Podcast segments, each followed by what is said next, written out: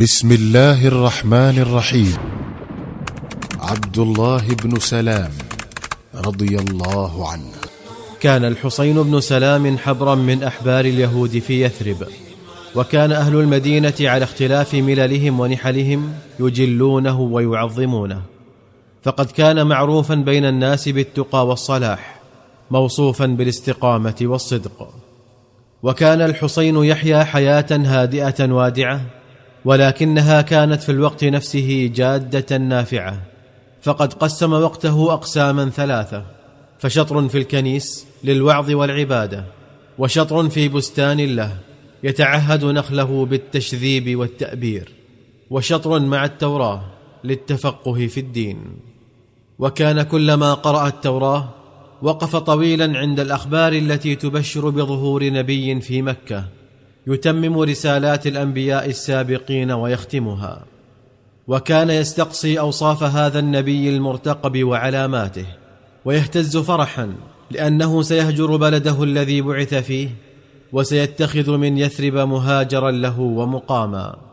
وكان كلما قرأ هذه الأخبار أو مرت بخاطره يتمنى على الله أن يفسح له في عمره حتى يشهد ظهور هذا النبي المرتقب. ويسعد بلقائه ويكون أول المؤمنين به. وقد استجاب الله جل وعز دعاء الحسين بن سلام فنسأ له في أجله حتى بعث نبي الهدى والرحمة. وكتب له أن يحظى بلقائه وصحبته وأن يؤمن بالحق الذي أنزل عليه. فلنترك للحسين الكلام ليسوق لنا قصة إسلامه فهو لها أروى وعلى حسن عرضها أقدر. قال الحسين بن سلام لما سمعت بظهور رسول الله صلى الله عليه وسلم أخذت أتحرى عن اسمه ونسبه وصفاته وزمانه ومكانه وأطابق بينها وبين ما هو مسطور عندنا في الكتب حتى استيقنت من نبوته وتثبت من صدق دعوته ثم كتمت ذلك عن اليهود وعقلت لساني عن التكلم فيه. إلى أن كان اليوم الذي خرج فيه الرسول عليه الصلاة والسلام من مكة قاصدا المدينة. فلما بلغ يثرب ونزل بقباء أقبل رجل علينا وجعل ينادي في الناس معلنا قدومه. وكنت ساعة إذ في رأس نخلة لي أعمل فيها. وكانت عمتي خالدة بنت الحارث جالسة تحت الشجرة. فما إن سمعت الخبر حتى هتفت الله أكبر. الله أكبر. فقالت لي عمتي حين سمعت تكبيري خيبك الله. والله لو كنت سمعت بموسى بن عمران قادما ما فعلت شيئا فوق ذلك. فقلت لها أي عمة؟ إنه والله أخو موسى بن عمران وعلى دينه وقد بعث بما بعث به. فسكتت وقالت أهو النبي الذي كنتم تخبروننا أنه يبعث مصدقا لمن قبله؟ ومتمما لرسالات ربه فقلت نعم. قالت فذلك إذن.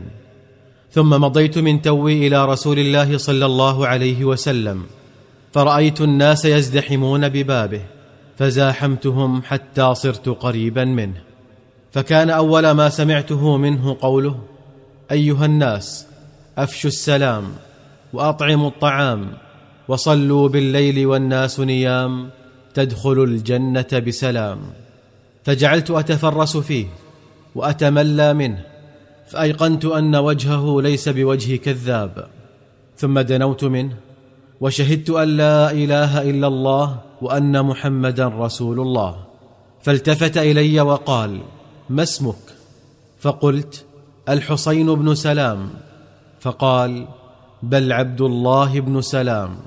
فقلت نعم عبد الله بن سلام والذي بعثك بالحق ما أحب أن لي به اسما آخر بعد اليوم.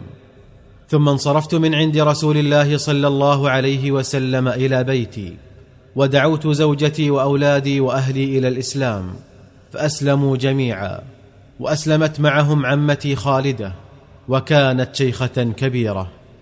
ثم إني قلت لهم اكتموا إسلامي وإسلامكم عن اليهود حتى آذن لكم. فقالوا نعم.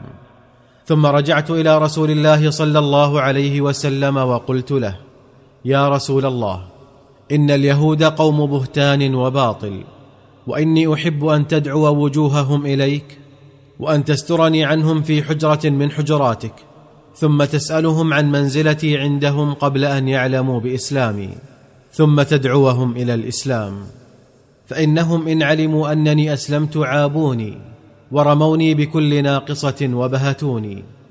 فأدخلني رسول الله صلى الله عليه وسلم في بعض حجراته ثم دعاهم إليه وأخذ يحضهم على الإسلام ويحبب إليهم الإيمان ويذكرهم بما عرفوه في كتبهم من أمره. فجعلوا يجادلونه بالباطل ويمارونه في الحق. وأنا أسمع. فلما يئس من إيمانهم قال لهم ما منزلة الحسين بن سلام فيكم؟ فقالوا سيدنا وابن سيدنا وحبرنا وعالمنا وابن حبرنا وعالمنا. فقال أفرأيتم إن أسلم؟ أفتسلمون؟ قالوا حاشا لله ما كان ليسلم أعاذه الله من أن يسلم. فخرجت إليهم وقلت يا معشر اليهود اتقوا الله واقبلوا ما جاءكم به محمد. فوالله إنكم لتعلمون إنه لرسول الله وتجدونه مكتوبا عندكم في التوراة باسمه وصفته. وإني أشهد أنه رسول الله وأؤمن به وأصدقه وأعرفه. فقالوا كذبت والله إنك لشرنا وابن شرنا وجاهلنا وابن جاهلنا. ولم يتركوا عيبا إلا عابوني به. فقلت لرسول الله صلى الله عليه وسلم ألم أقل لك؟ إن اليهود قوم بهتان وباطل وإنهم أهل غدر وفجور. أقبل عبد الله بن سلام على الإسلام إقبال الظامئ الذي شاقه المورد وأولع بالقرآن فكان لسانه لا يفتأ رطبا بآياته البينات.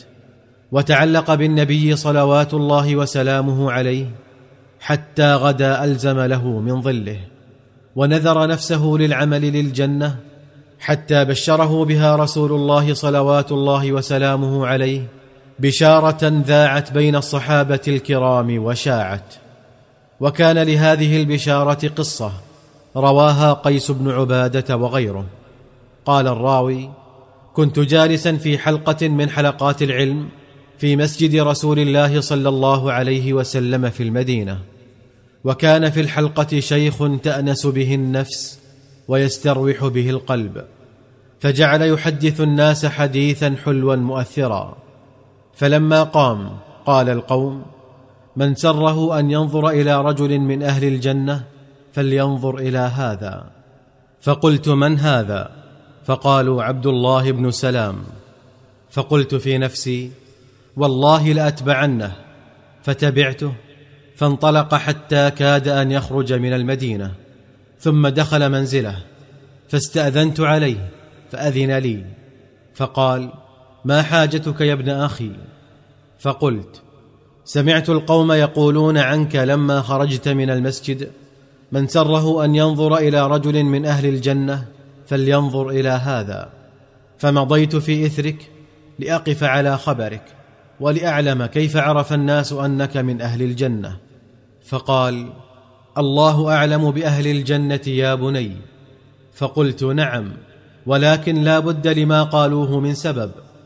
فقال سأحدثك عن سببه. فقلت هات وجزاك الله خيرا. فقال بينما أنا نائم ذات ليلة على عهد رسول الله صلى الله عليه وسلم أتاني رجل فقال لي قم فقمت فأخذ بيدي فإذا أنا بطريق عن شمالي فهممت أن أسلك فيها فقال لي دعها فإنها ليست لك فنظرت فإذا أنا بطريق واضحة عن يميني فقال لي أسلكها فسلكتها حتى آتيت روضة غناء واسعة الأرجاء كثيرة الخضرة رائعة النضرة. وفي وسطها عمود من حديد أصله في الأرض ونهايته في السماء وفي أعلاه حلقة من ذهب. فقال لي ارق عليه. فقلت لا أستطيع. فجاءني وصيف فرفعني. فرقيت حتى صرت في أعلى العمود وأخذت بالحلقة بيدي كلتيهما وبقيت متعلقا بها حتى أصبحت. فلما كانت الغداة أتيت رسول الله صلى الله عليه وسلم وقصصت عليه رؤياي. فقال أما الطريق التي رأيتها عن شمالك فهي طريق أصحاب الشمال من أهل النار. وأما الطريق التي رأيتها عن يمينك فهي طريق أصحاب اليمين من أهل الجنة. وأما الروضة التي شاقتك بخضرتها ونضرتها فهي الإسلام. وأما العمود الذي في وسطها فهو عمود الدين وأما الحلقة فهي العروة الوثقى ولن تزال مستمسكا بها حتى تموت. من سره أن ينظر إلى رجل من أهل الجنة فلينظر إلى عبد الله بن سلام.